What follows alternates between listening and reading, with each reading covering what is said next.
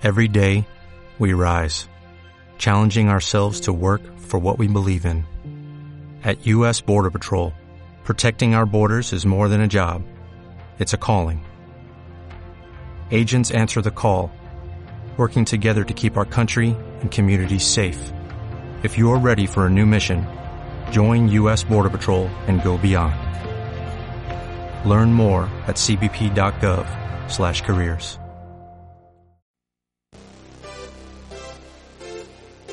Ràdio Sallent, 107.6 FM.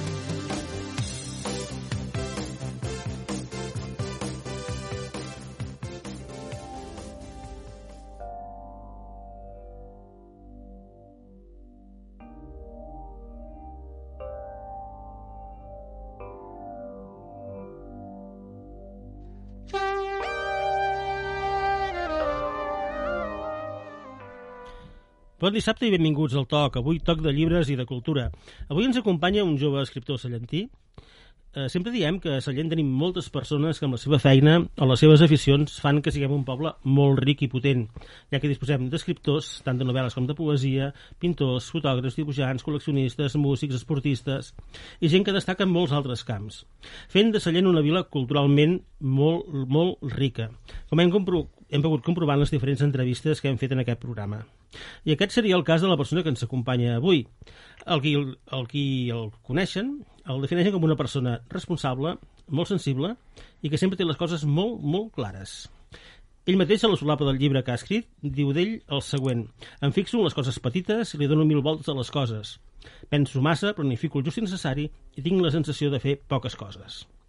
A més d'escriure, toca el violí, fa exposicions, estudia belles arts, com sempre es presentarà ell mateix després de dir-li bon dia, però abans, com sempre, recordar que la sintonia que està sonant és original de Josep Enric Vega i que el control de so tenim el Serafi Sánchez i el locutori Josep Crífol en Salvador Arderiu. Ara sí, sense més preàmbuls, bon dia. Molt bon dia. Endavant. Ah, doncs sóc en Joan Trinitat Ruedes. Eh, primer de tot, moltes gràcies per haver-me convidat a parlar, a estar aquí una estona amb vosaltres. Eh, llavors, bueno, això de les presentacions eh, és una mica feixuc, eh? eh i, I si a més m'he de presentar jo a mi mateix, doncs, pues, déu-n'hi-do. Uh, bé, jo crec que, tot i que la, la, les, el que has dit de la solapa del llibre, tot i que allò ja fa uns quants anys d'aquesta descripció, crec que és prou encertat, encara avui en dia, és a dir, que no, no ha canviat tant la cosa. Eh, Bé, ja deies que estava estudiant Belles Arts, eh, l'únic que he canviat és que ja, ja he acabat el, el grau, eh, o sigui que no sé si això em dona legitimitat per dir que ja sóc artista, igual que el que acaba amb Medicina és metge, eh, però en tot cas els estudis estan acabats. Eh, i res més, no sé, el meu nom suposo que ja, ja em presenta, sobretot per la gent de Sallent, sabrà ubicar-me, com a mínim. Si diem que ets el fill de Ramon Trinidad, em sembla I la de que... Laura Ruedas, doncs ja, ja queda clar. Perfecte. Uh, Joan, una pregunta que fem a tots els convidats que han passat per aquest programa. Digues. Com t'ha afectat la Covid-19? A nivell personal, i professional, estudiant? Doncs mira, jo justament ara que parlava de la carrera vaig acabar, em vaig veure confinat i acabant la, la carrera aquí a Sallent, confinat a casa dels meus pares, perquè jo fins des de que vaig començar la carrera doncs va, vivia a Barcelona i justament eh, si va, ens vam confinar al març del 2020 l'any passat. Eh, jo just feia un mes i mig que havia tornat dels Països Baixos perquè havia estat eh, d'Erasmus allà i va ser, em va pillar una mica, m'ha pillat una mica així Uh, no sé, ha sigut un desajust bastant gran, no? Perquè tenia totes les expectatives, et generes totes les expectatives per acabar la carrera d'una determinada manera i de cop et veus uh, tancat a casa sense poder-la acabar com havies planejat acabar-la i això comportant, doncs, en el meu cas, eh, que el, el, el, sobretot el que té més pes al final de la carrera és el treball final i tens totes unes expectatives i un treball previ fet eh, encarant aquest treball final i de cop això és, uh, ho va trencar per complet no? jo tenia les expectatives de poder treballar al taller de la facultat i de cop doncs això, com deia, eh, vaig haver-la d'acabar tancat a l'habitació d'aquí a casa. I llavors quin va ser el teu treball final?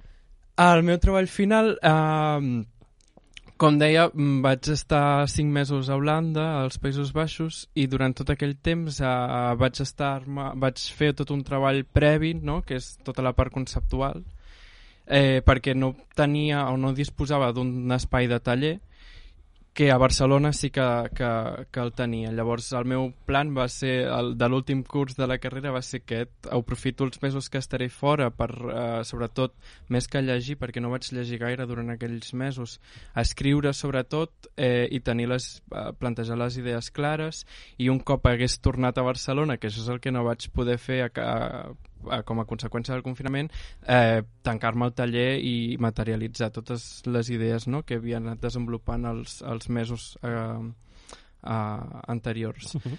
Llavors el que va, va acabar passant és que per sort tenia totes aquestes, totes aquestes idees clares i l'únic que vaig haver de fer, diguéssim, és reajustar o readaptar la materialització, la, la, sí, la concreció de la, de la, del treball, de les peces. Llavors, doncs, si jo tenia pensat eh, treballar en una instal·lació o el que fos, eh, va acabar sent una publicació digital perquè eren els mitjans que també tenia, no? Jo, eh, com deia, també tot el material, totes les eines de treball les tenia a Barcelona perquè es van quedar allà. Jo vaig venir aquí amb la intenció de passar-hi 15 dies i al final van ser més, molts més mesos.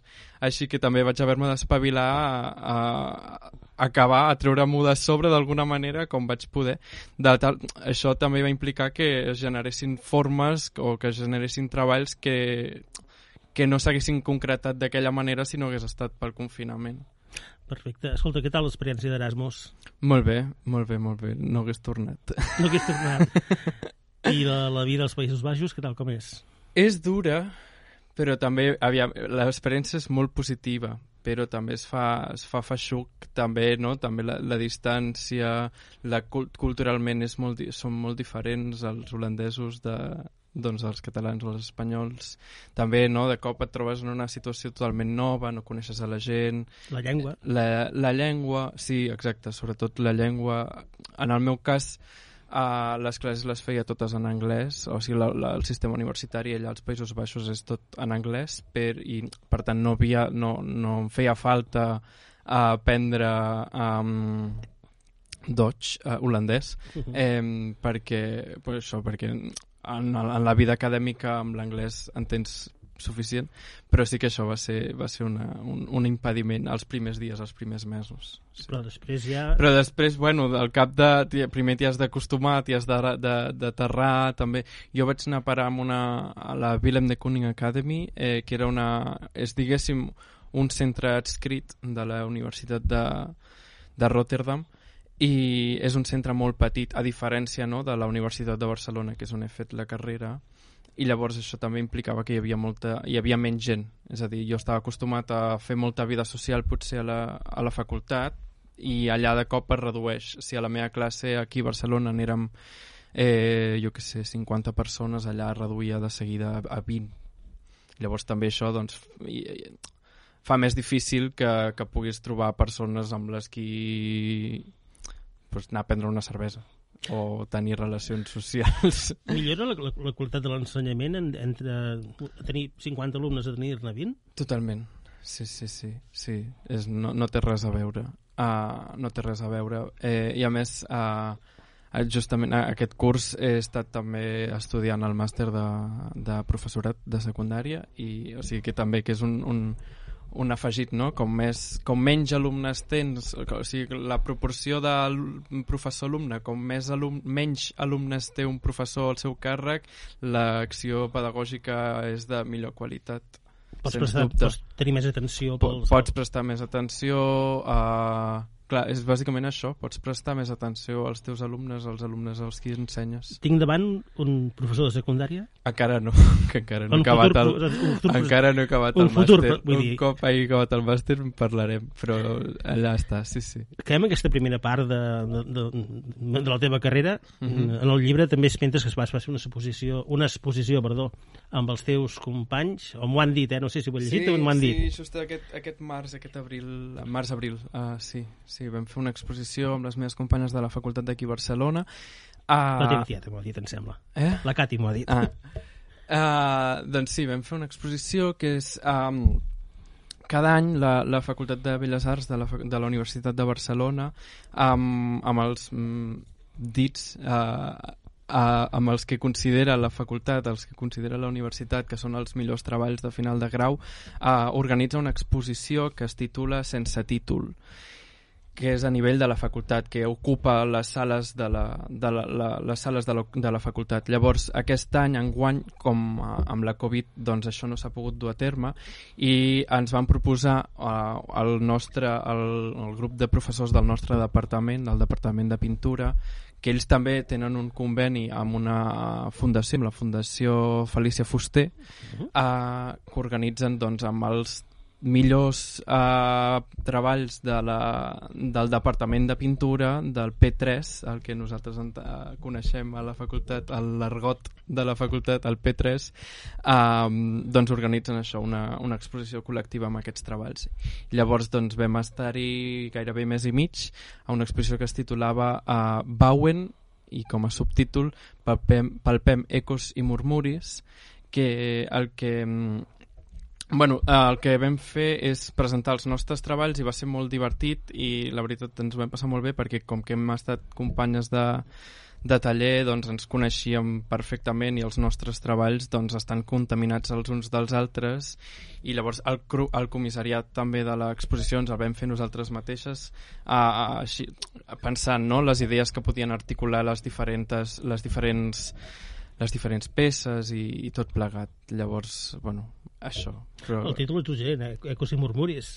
Eh, com, com, perdó? Que és, és suggerent És aquest suggerent. Eh, sí, la qüestió és que, bueno, Bauen, que és com el, el títol principal, és una, és una paraula d'origen alemany que té dues accepcions eh, una més antiga que l'altra. No, no, ara no me'n recordo no, sempre em, em confong, no sé quina va primer, primer de l'altra.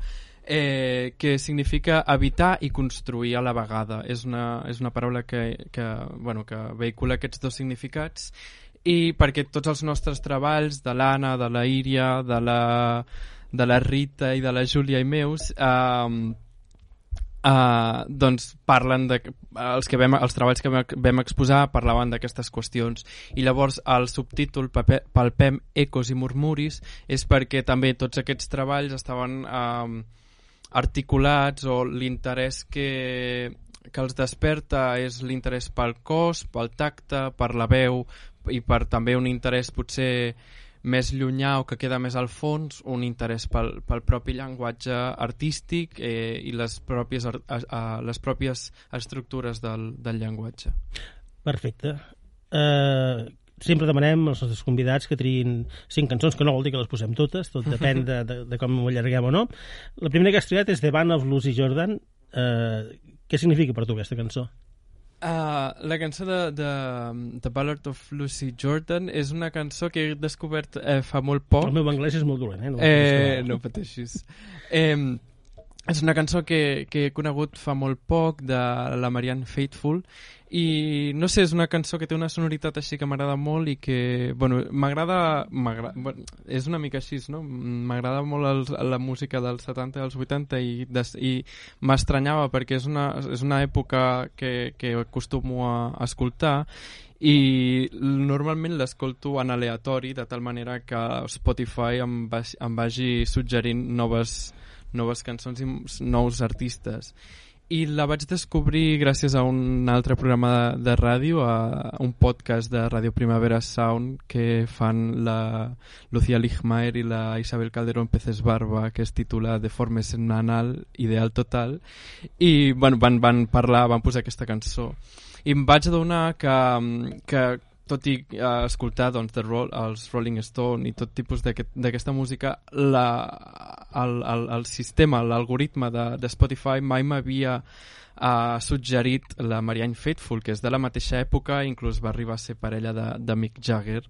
I, no sé, em va sobtar això, no? Per una banda, donar-me que l'algoritme no em suggeria dones eh, d'aquella època i de l'altra, doncs, que, que no l'havia escoltat mai.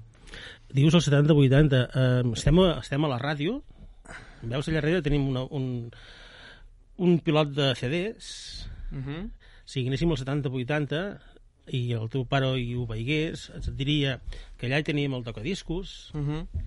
havies de venir amb els discos Sí, de casa, sí, sí. o després amb els CDs, i ara ja estem parlant de l'Spotify, Uh -huh. Com han canviat les coses. Sí, justament aquesta setmana Sí. ja hi va haver una, Una caiguda, una de caiguda xarxes. de les xarxes i Spotify, bueno, Spotify i moltes eh, um, pàgines web de, de mitjans de comunicació han caigut, han fallat i vull dir que també això també té les seves els seus inconvenients. Bé, doncs anem a escoltar aquesta cançó de Band of Lucy Jordan i continuem amb el Joan Trinitat.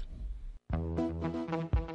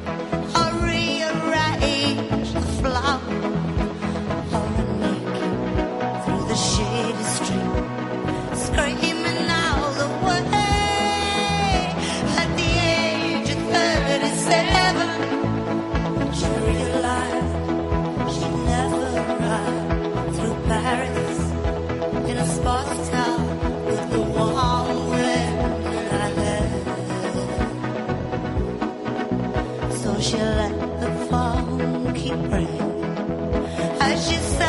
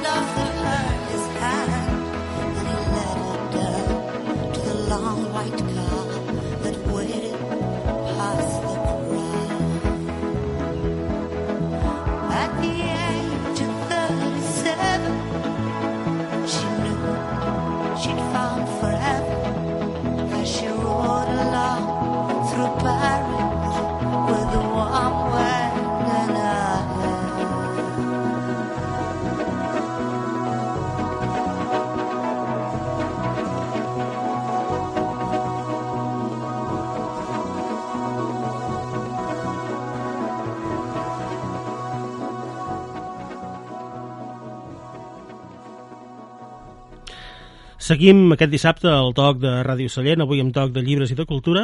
Parlem amb el Joan Trinitat, que tots, tots els, el coneixem, si més no de vista, però també el coneixem perquè ha escrit un llibre força eh, original, tentador, i que crec que molt, molt positiu. Es diu Gàleg. Explica'ns què és això.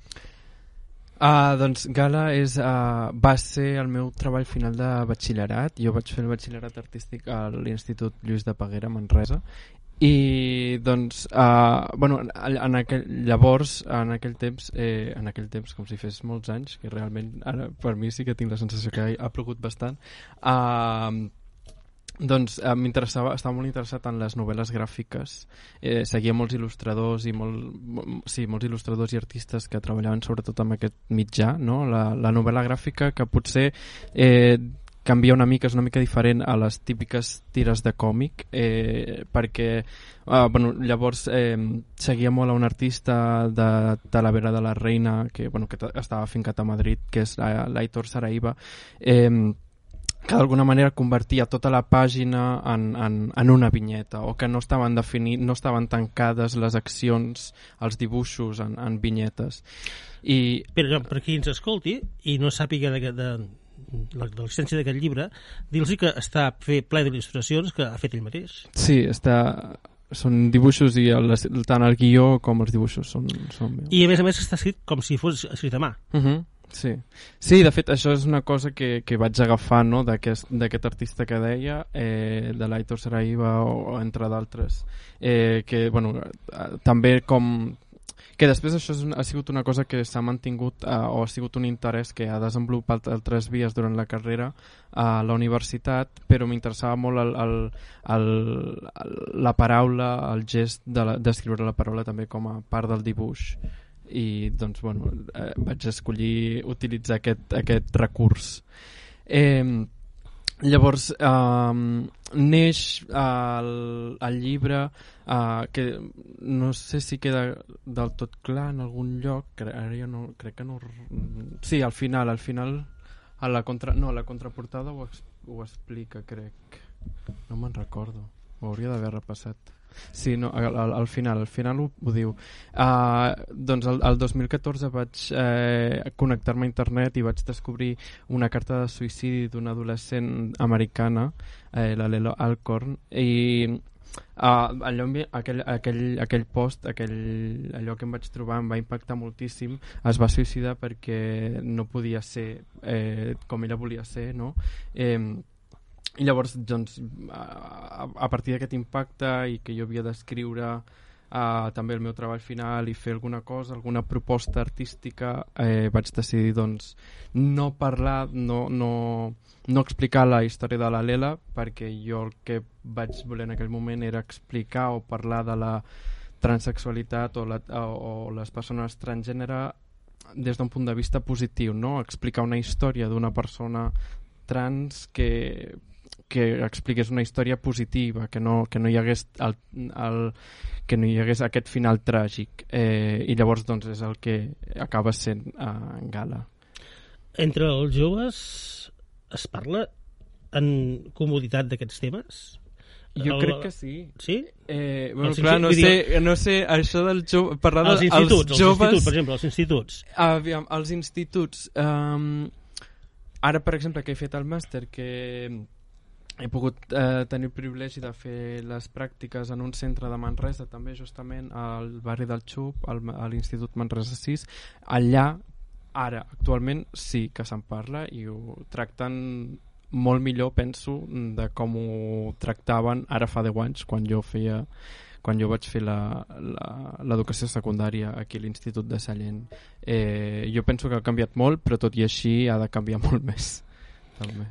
Són temes... Eh, la persona que es troba en una situació, diguem-ne, de, de transgènere, homosexualitat, o, o, o en dubte... Bueno, gener- del, del col·lectiu LGTBI Sí. o persones racialitzades, etc etc. amb dubtes d'identitat sexual, per dir-ho d'alguna manera, eh, troben el, la persona receptiva perquè puguin explicar, mira, em trobo amb això i no sé què fer. Perquè normalment això pot portar casos de bullying. Sí, um, bé, eh, que, és a dir, és, és, jo crec que mm, juga un paper molt important tot l'entorn en el que et trobes, no? Eh, afortunadament, eh, no només eh, la vida d'un adolescent eh, redueix a l'institut, No, s'hi sort. passen moltes hores, s'hi passen moltes hores, però també tens eh, altres espais o jo crec que és molt positiu si no hi són, buscar-los eh, amb totes les forces llavors eh, des, eh, no sé per on continuar ara. Uh, Per on vulguis. L- és a dir, eh, això volia, això ja, és que volíem dir una cosa, eh, que deia que, que el- els adolescents eh, passen moltes hores a l'institut i sobretot en, en, en els casos d'assetjament, en, el meu, en la meva època, quan jo feia l'educació secundària, tot just començaven a entrar els, telèfons, els primers telèfons mòbils a les aules. De fet, jo vaig ser de les primeres generacions també de tenir un portàtil a l'aula, ja no sé si us recordareu, el programa 1 per 1 de la Generalitat de Catalunya en què, que establia un ordinador per a un estudiant eh, vam ser uns, totalment uns conillets, uns conillets d'índies perquè bueno, era bastant desastrosa la pedagogia amb un ordinador a l'aula clar, què, què, què passa? que llavors jo, jo que sí que he patit assetjament escolar tant a l'escola com a l'institut eh, jo sortia d'allà i ja està, ho quedava aparcat quedava reduït a l'espai a l'espai de l'escola i de l'institut en canvi ara és molt més fàcil perquè clar, les, no, aquestes les generacions que han, que han- vingut després ja s'han trobat amb, amb, eh, amb les xarxes socials i, i, i, i l'ús d'internet. Llavors uh, hi ha casos uh, o es pot donar el cas que, que aquest assetjament continuï fora dels centres edu- educatius. Eh, justament el meu treball de final de màster no és que tractis uh, exclusivament del, del, de l'assetjament, però sí que faig una reflexió entorn de, de l'hora del pati eh, com una... A, és a dir, eh, com un espai en el que es poden reproduir moltes d'aquestes violències eh, posant un focus molt important en el futbol i tot el que articula el futbol. El futbol? Eh, sí, I, però com a la vegada també l'espai de joc pot ser un espai per, per, per prevenir totes aquestes violències. M'ha sorprès. Per què amb el futbol? Ah, bueno, el, el... ara potser m'estic ficant en un jardí, No, no, no. no no. però ah, bueno, el, els Eh, meus... Aquest és un tema, Joan, eh, que volíem, precisament volíem tractar en aquest programa un dia d'aquests. Vale. que millor, millor que... I, per cert, si el Serafí vol, li, li, li donarem veu també, perquè ell també s'ha trobat en casos, Mhm. en casos semblants. Doncs, bueno, el, el, jo, el, el, el, el, per, per separar una mica, eh? jo el, el, el meu treball de final de màster faig una proposta per, per l'Institut Manresa 6, que és el que se'ns demana des, del, de, des de la universitat, que facis una proposta de millora. Eh, I jo per fer aquesta, per justificar aquesta proposta de millora que, els hi, he- que, que he escrit, eh, justi, eh, argumento que el futbol és eh, el futbol al pati de l'institut és una maquinària perversa d'exclusió de, de, eh, perquè la pista, primer de tot, bueno, eh, la, la pista de futbol ocupa la major part del, de l'espai físic i majoritàriament hi juguen els nois. Llavors, totes aquelles persones que no els agrada futbol eh, queden excloses de la, de, queden excloses del joc queden relegades a la, al marge, a, Mhm. queden relegades a les grades, queden relegades pues, allà, aquí a l'institut, doncs, a la rampa, a, a la famosa rampa, no? Eh, I això genera aquesta exclusió o aquesta diferència de, per raó de sexe, per raó de gènere, per raó de raça, per raó de capacitat, perquè no? pues, una persona que... Eh, que, que, no, hi- que no hi vegi, que, no hi, que, no, que tingui una, una um, dificultat a l'hora de veure-hi, no hi pot jugar a, a, a un futbol tal, tal qual, no? O una persona que vagi amb cadira de rodes no pot jugar en aquest espai. Llavors, clar, se'ls està donant un, eh, es dona un privilegi així mm, implícit a, aquell, a aquelles persones que sí juguen a futbol. Llavors el que, jo artic, el que jo acabo també dient és que aquesta exclusió no només afecta aquelles persones que en queden excloses, sinó que també eh, afecta aquelles persones, aquells nois que juguen a futbol. Eh, d'alguna manera perquè si al final eh, perquè, perquè mm, també argumento en el treball que, mm, que justament el futbol eh, que facilita és que, o el que propaga és que, que les relacions afectives entre els homes es vehiculin a través de la competició És a dir, com que el, el que mm, facilita el futbol és que doncs, quan celebri, se celebra un gol els homes eh, s'abracin, no? que al final també és una necessitat molt humana, però tota aquesta, eh, aquesta afectivitat, aquestes mostres de carinyo estan vehiculades i atravessades per la competició i en última instància per, per la violència, no? perquè també al final t'estàs enfrontant un, un equip contra l'altre. Llavors, totes aquelles mostres d'afecte i de carinyo que no es vegin, en, que, que no es donguin en aquest context de competició són assenyalades i és un de... I crec eh, fermament que el futbol, els patis dels instituts eh, són una de les raons de, de la LGTBI-fòbia. Llavors, jo tampoc abogo per, perquè se suprimeixin, o sigui, la meva proposta no és que s'acabi suprimint el futbol als patis, perquè també estaríem, estaríem prohibint que juguessin les noies al, al, al pati de l'in- de l'institut i justament s'ha de celebrar que aquest any eh, el Barça femení Exacte. ha guanyat eh, els tres títols no sé quins, perquè no en tinc ni idea però sé que ha guanyat tres títols Tot el que el Barça Eh, no ha guanyat. Vale, doncs tot el que el, els homes no han guanyat ho han guanyat les dones, per tant tampoc em sembla... Sí, seria eliminar el, el futbol dels, del, del pati de l'escola seria contraproduent en aquest sentit. Llavors el que sí que s'hauria de facilitar és o trencar aquests tabús, donar altres eines i ensenyar als nois a que hi ha altres maneres de relacionar-se i de mostrar-se, de- d'estimar-se al final entre ells, encara que no hi hagi després una relació eh, eh, romàntica, no? que, que l'amistat i les mostres d'afecte també són, no, impliquen eh, una, no, no impliquen l'homosexualitat o no impliquen eh, qui sap què és, que jo què sé, és que al final sembla que, que, que hi hagi el dimoni allà darrere amagat. Eh, et convido que posis els auriculars ara, perquè li demanem al Serafí si està d'acord amb el que acabes de dir. Serafí, estàs d'acord amb el que acaba de dir el Joan? Eh, sí. Sí, estic bas eh, bàsicament estic d'acord perquè bueno, eh, el bullying és, és una cosa molt, molt dolenta, la veritat, i quan es fiquen sempre amb tu i durant 9 anys eh, costa molt, la veritat, i després has d'estar una setmana a casa, no, no volia anar a l'institut, i bueno, volia matar-me, però clar, vaig pensar en la meva família, que ho passarien també malament, i bueno, finalment vaig acabar, denunciant al- a l'institut. Moltes gràcies, Serafí. Uh, Joan, la, segon, la següent cançó que escoltarem es diu Perra. Què significa? Perra, doncs perra, Perra. de perro, perra.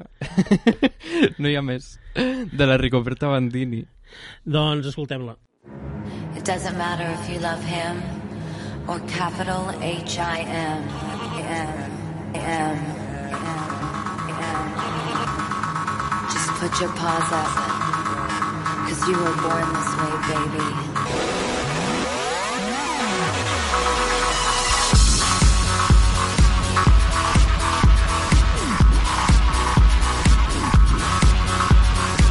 My mama told me when I was young, we're all born superstars.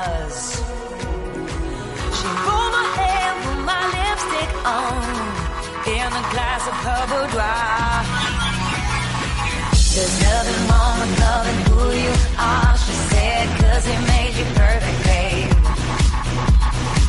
So hold your head up, girl, and you'll go far.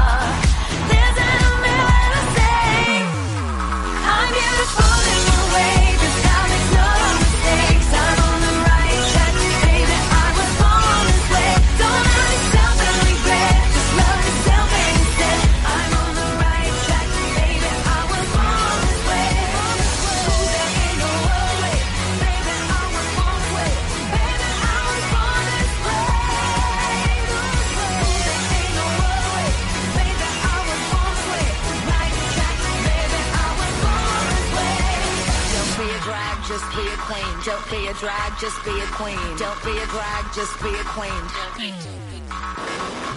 Give yourself prudence and love your friends. Subway kid, rejoice your truth. In the religion of the insecure,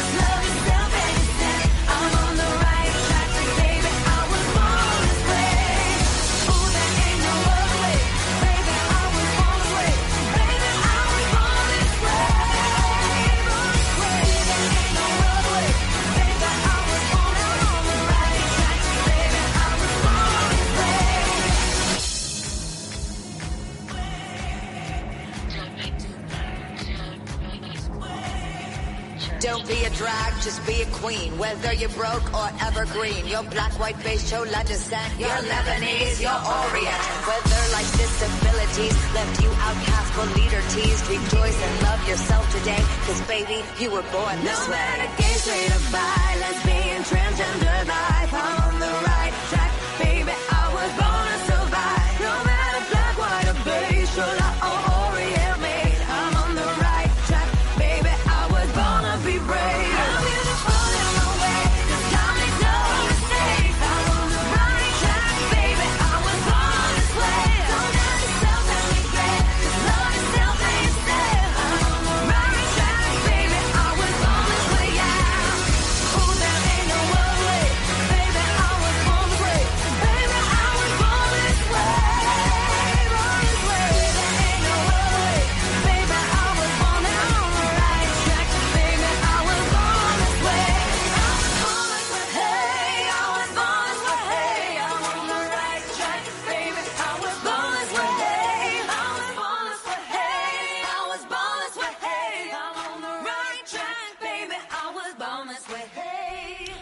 Entrem a la recta final del programa. Hem posat una cançó que no, no era Per, era una altra, era Quan Disball, de, de, de Lady Gaga. No passa res. Era un altre tema que també, vi, que també havia triat el Joan. Uh, Joan, hem, acabem de parlar de l'institut, però suposo que algun, algun record bo deu haver quedat. Sí, bueno, puc explicar el per què també de la cançó? Perquè Pots també va com explicar, relacionat pots explicar, amb el que pots estàvem explicar. parlant. Eh, justament l'he- escollit perquè aquest any fa 10 anys de, no només de la cançó sinó de tot el- de tot l'àlbum de, de Lady Gaga um, Born This Way. Eh, és un àlbum del 2011 eh, jo el 2011 tenia 13 anys així que estava en pleno apogeo i tonteria adolescent i pues, bueno, m'ha semblat com oportú sabia que també parlaríem de gala i parlaríem potser d'aquestes qüestions que han sortit i pues, era una cançó que, que escoltava sovint massa fins a l'extenuació gairebé Societat, vaja. sí, sí, sí, sí així que, bueno, està molt bé Molt bé, doncs escolta'm, uh, algun bon record deu quedar d'aquella època? Algun bon record? Uh, bé, la, la Digue'm meva... que sí, eh? Sí, sí, n'hi ha, n'hi ha. La meva relació... Clar, mm, bueno, jo crec que hi ha com un equilibri de forces. Una balança. Sí, no? Um, totes, aqu- per, uh, per suposat que tenia bones relacions amb les meves companyes, però tot allò que em mancava potser amb la relació amb els meus companys i companyes es compensava amb, amb la bona relació també amb els, amb els professors. De fet, per mi a l'estudi ha sigut sempre un, una mena de refugi. Eh, I justament també fent el màster i bueno, fent també les classes que, que, que fèiem uh, tot online, eh, ens van fer justament preguntes d'aquest tipus que recordàvem, que deixàvem de recordar de la nostra experiència com a, com a estudiants de, de l'ESO. I hi ha una, una, una, anec, bueno, una anècdota però que va ocupar gairebé com tot, el, tot un dia. Uh, jo al principi quan vaig arribar a l'institut uh, a primer d'ESO uh, la, la Sales Navales es va assabentar que no era professora meva llavors va ser tutora a tercer i a quart va, ser la meva tutora a tercer i a quart però primer i segon no tampoc va ser la meva al principi primer i segon no va ser la meva professora d'educació de, secu- eh, física però eh, es va assabentar que m'agradava ballar i ella feia una assignatura optativa de dansa amb alumnes de de segon, no sé si... No, de, de, tercer, de tercer quart i batxillerat. I clar, jo estava primer. I se'n va assabentar d'això, crec, i em va proposar... eh, o sigui, tenien una, una, una excursió um, organitzada amb aquest grup d'aquesta optativa per anar a fer una masterclass que justament és una cosa que explica la Gala al seu llibre misteriosament i, i coincideix eh, eh, doncs això, havia organitzat una excursió per anar a fer una masterclass amb Cesc Gelabert al Mercat de les Flors de Barcelona. I bueno, pues, uh, un dia arriba la meva tutora que era l'Eva eh, i em diu ah, la, la, la Sales et vol dir una cosa. I bueno, em van fer aquesta proposta si em venia de gust. Llavors pues, va ser un regalazo que em van fer així perquè sí bueno, així perquè sí, no, jo crec que també hi havia no, doncs, tota aquesta qüestió de fer un acompanyament ben fet i de, de, de suport uh, perquè també suposo que eren conscients de, la, de les situacions o de les vivències i experiències que tenia llavors eh, va ser com un reforç molt, molt gran i que, que els hi he d'agrair eh, i així ho faig ara públicament eh, encara que ho vaig emmascarar una mica a la novel·la eh, pues, aprofito la benentesa Perfecte. Joan, hi haurà més llibres? Segurament l'únic que... Bueno, ja ho veurem. Ja ho veurem. Escrites n'hi ha... eh, Coses escrites n'hi ha, eh, però també estic intentant de fugir bastant de, de les idees eh, preconcebudes de, del, del llibre. M'agrada molt eh, el llibre com a, com a forma, però en tot cas no hi, haurà, no hi haurà més llibres com Gala, això segur. Hi haurà altres formes de llibre. Perfecte. Escolta, i això que t'agrada el violí, també? El violí, el pobre, està agafant pols des, de que, des que vaig acabar vaig acabar els estudis del professional. Vaig estar també estudiant música al, al, no només aquí a l'escola de música, també després vaig, vaig continuar els estudis al conservatori i als 18 anys quan vaig acabar el sisè de grau professional el vaig aparcar una mica i de tant en tant el vaig recuperar durant el confinament, o sigui, imagineu-vos eh, també, perquè clar, al final ja no sabia què més fer eh, i també per distreure'm una mica, però això s'ha quedat, quedat en aquest en un àmbit més reservat. La darrera pregunta, eh, aquesta vegada hi hi ha gent que li costa contestar perquè no se sap situar. On et veus d'aquí 10 anys? Jo què sé. Resposta. Eh, no ho sé. És una ja bona dic- resposta.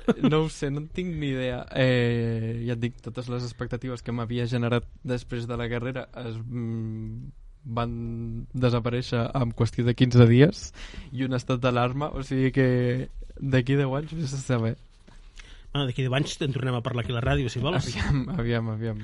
Entrem en sintonia.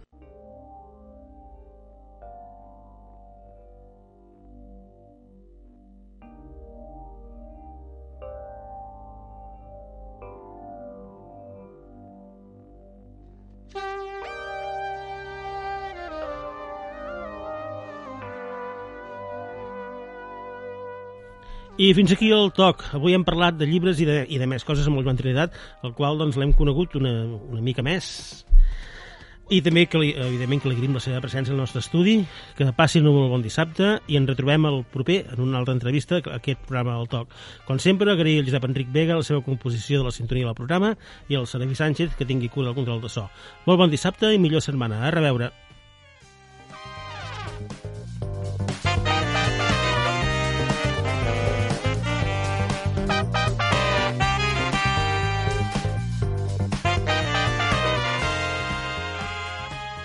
Pots tornar a escoltar aquest programa i la resta de programació a la nostra plataforma ivox.com barra Ràdio Sallent.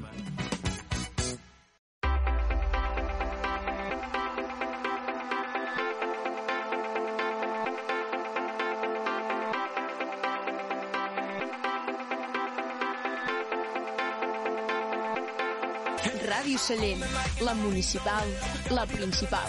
Ràdio Sallent, 107.6 FM.